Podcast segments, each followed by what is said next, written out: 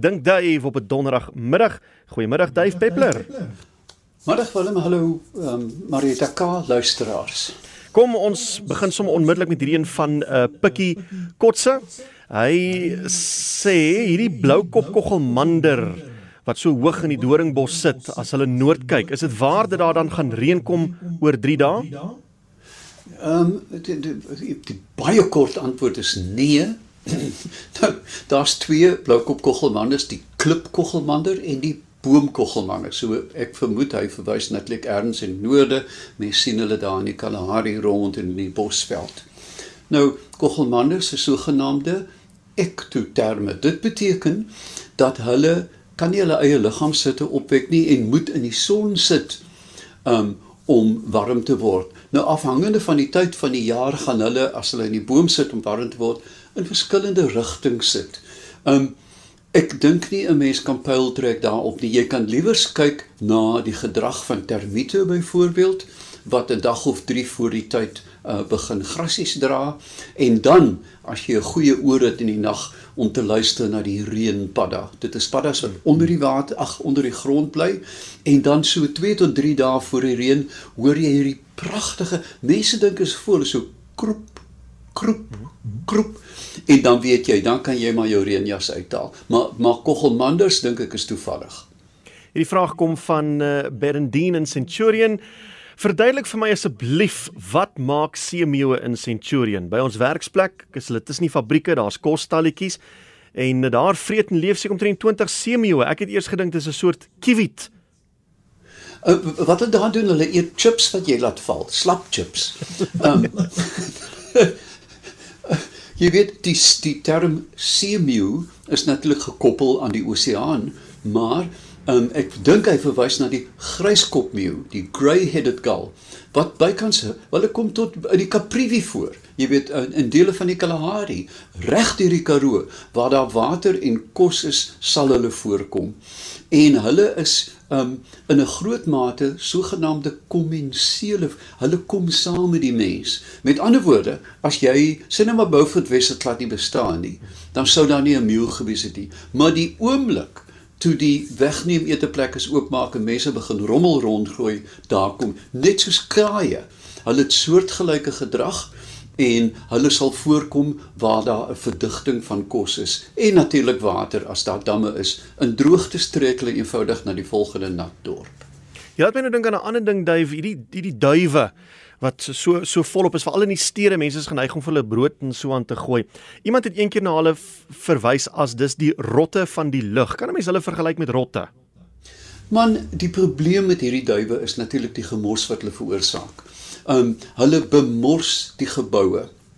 Hierdie is of kraansduwe of natuurlik wetvlugduwe, wildgeworde duwe wat dan 'n jy weet 'n 'n wolkekrabber word, 'n kraans, elkeen het 'n vensterbank en ek agiteer al baie jare vir argitekopleiding hoe om 'n gebou aan te pas dat duwe nie daarop kan sit nie. As jy 'n vensterbank teen 45 grade insit in plaas van 90, dan kan die duif eenvoudig nie daar sit nie. Tweedens, om die die inlaat van lugreëlings te beskerm teen duwe mis. Gewoonlik besef hulle nie dat die duwe op die dak sit nie, dit reën, die mis word nat en dan kan 'n sweterhiel siektes letterlik ingesuig word deur die lugreëling en reg deur die gebou uh, versprei word. So ja, metafories is hulle rotte van die lug. Hierdie vraag kom van Alta. Hoe hou ek vismotte uit my klerekas? Ek hou nie van motbolle nie. O, oh, ja, ek weet motbolle hemel, jy weet toe ek 'n kind was, die kerk op 'n somersdag kon jy nie asemhaal nie want jy weet al die pakke van die mans het uh, hulle sulke blink pakke gehad in in in blink skoene. Hemel, jy het nou was dit nie die die die motbolle nie, was dit die tannie se opium wat hulle aangespuit het, maar dit nou daar daar gelaat. Ehm um, hulle is baie moeilik om te beheer.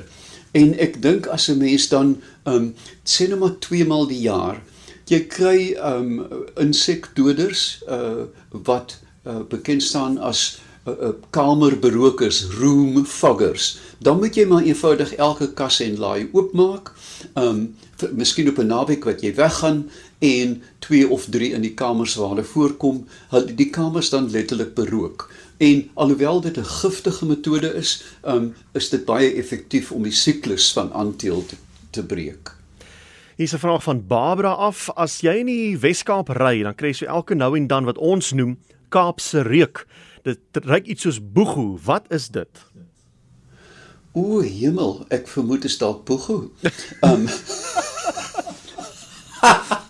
Ehm um, Ja, hierdie is 'n baie vreemde vraag. Jy weet die reukruim om ons is gelaai natuurlik met 'n hele klomp goed.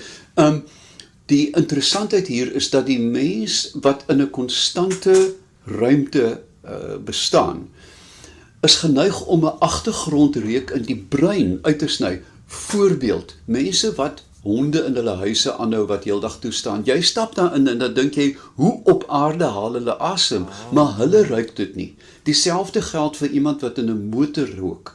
Hulle ruik dit nie, maar jy klim in die kar en jy snak na jou asem. So ongelukkig uh, jy weet asof my gesê het as jy by Voelvlei dam verbyry of uh, 2 km aan die ander kant Wellington het dit dalk 'n vraag uh, antwoord gehad maar ek ongelukkig kan ek nie antwoord nie.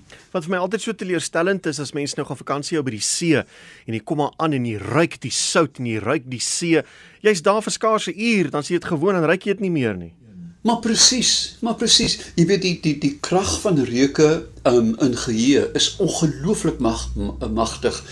Uh byvoorbeeld, het jy 'n strandhuis of het jy besoek jy 'n strandhuis wat jy as kind bes, uh, besoek het? Oh, ja, ja. Dan stap jy in en dan skielik voel jy die sand op jou vel. Jy weet ge, uh, geheue stroom mm, terug. Mm. Man, presies soos jy sê 'n halfuur later ruik jy niks. Willie in Malmesbury het hierdie in gestuur. Ons het 'n nuwe dam op die plaas wat slegs met reënwater aangevul word. Daar's dis nou nie stroompies en goed wat in die dam inloop nie. Maar nou is daar 'n klomp visse maar niemand hulle daar gevestig nie. Waar kom hulle vandaan? Ooh. Willem wie wat ek dink ek sien hy.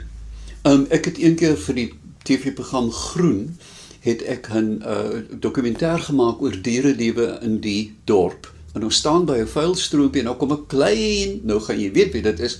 Hy sê meneer, het meneer geweet hier's visse in hierdie rivier. Uh, dit is so toksies. Ek sê dit kan nie wees nie. Ek sê watter soort visse? Hy sê meneer, is paravisse. Nou, ehm um, wat ek vermoed is dat dit plat anders is waarvan die die die klein eh, plat anaitjie jy weet voor hy nou 'n padde ontwikkel op 'n haar na 'n visie lyk. Uh laat hom 'n bietjie dophou. Ek het 'n vermoede dat plat anders sê die dam betrek en nou begin aanteel.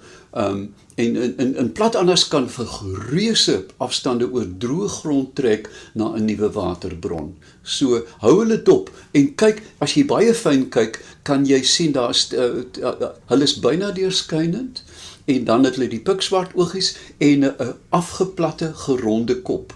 'n uh, Luisteraar gaan kyk weer en rapporteer terug.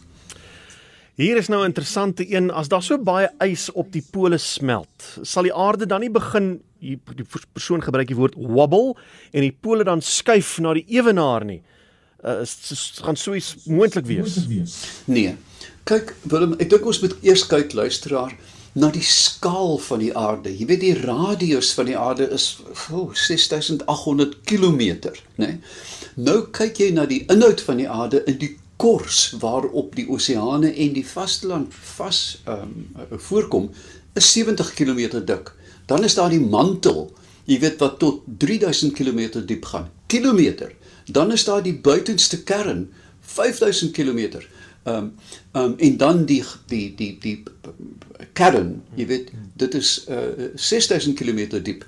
Met ander woorde die die verplasing van massa op hierdie baie dun korsie het byna geen uitwerking op die dinamika van 'n aarde en die momentum van 'n aarde wat spin wat wel kan gebeur en dit veral in die in die um, by die pole is dat met die verligting van die ys dat die landmassa mag reis en vervorm maar ek dink nie genoeg om die aarde te laat wobble nie as ons die woord moet gebruik Ian vra, kry piesangs ooit wurms of uh, kan ek maar rustig eet in 'n piesang? Ek nog nooit 'n wurm in 'n piesang gesien nie. Piesangs kry wurms as jy die skil breek.